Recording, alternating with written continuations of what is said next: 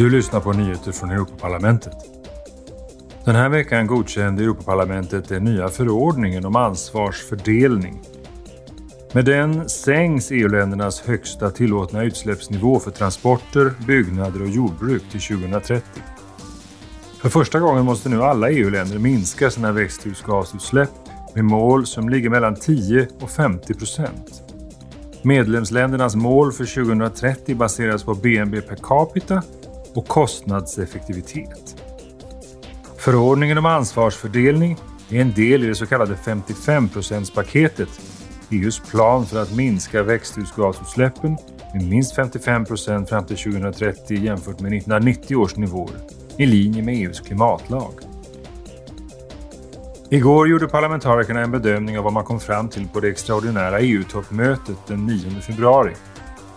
Prioriteringarna inför vårens EU-toppmöte nästa vecka drogs upp i en debatt med Charles Michel och Ursula von der Leyen.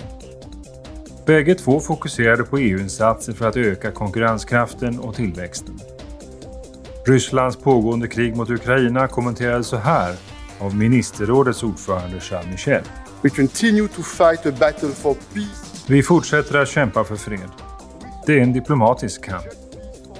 Vi stöder Volodymyr Zelenskyjs initiativ för en rättvis fred.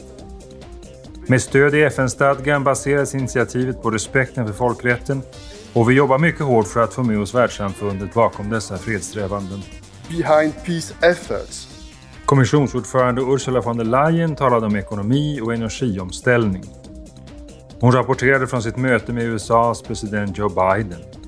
Så här sa hon. The big bulk of work still lies with. Det mesta arbetet ligger fortfarande på oss här i Europa. Vi europeer måste själva bli bättre på att stödja vår industrisektor för ren teknik. Vi måste sätta fart. Vi måste förenkla vårt arbetssätt. Vi måste ge större tillgång till både offentlig och privat finansiering. And private finances. Parlamentet uppmärksammade internationella kvinnodagen genom tal av den iranska fredspristagaren Shirin Ebadi och den italienska astronauten och befälhavaren på den internationella rymdstationen Samantha Cristoforetti. Parlamentets talman Roberta Metsola sa så här. Even within our union, gender equality... Inte ens i vår union har vi nått full jämställdhet och det kommer vi inte heller att nå förrän vi uppnår lika lön för lika arbete. Än idag har varannan kvinna runt omkring oss utsatts för sexuella trakasserier. Tiden är nu inne för Europeiska unionen att ta ledningen i den här kampen och bli ett föredöme. Att sätta standarder som kriminaliserar våld mot kvinnor, att förbättra tillgången till rättvisa och att ratificera Istanbulkonventionen under den här valperioden. Både Shirin Ebadi och Samantha Cristoforetti betonade kvinnors roll i samhället. Vinnaren av Nobels fredspris talade om de hot som kvinnor i Iran utsätts för. Du har lyssnat på nyheter från Europaparlamentet.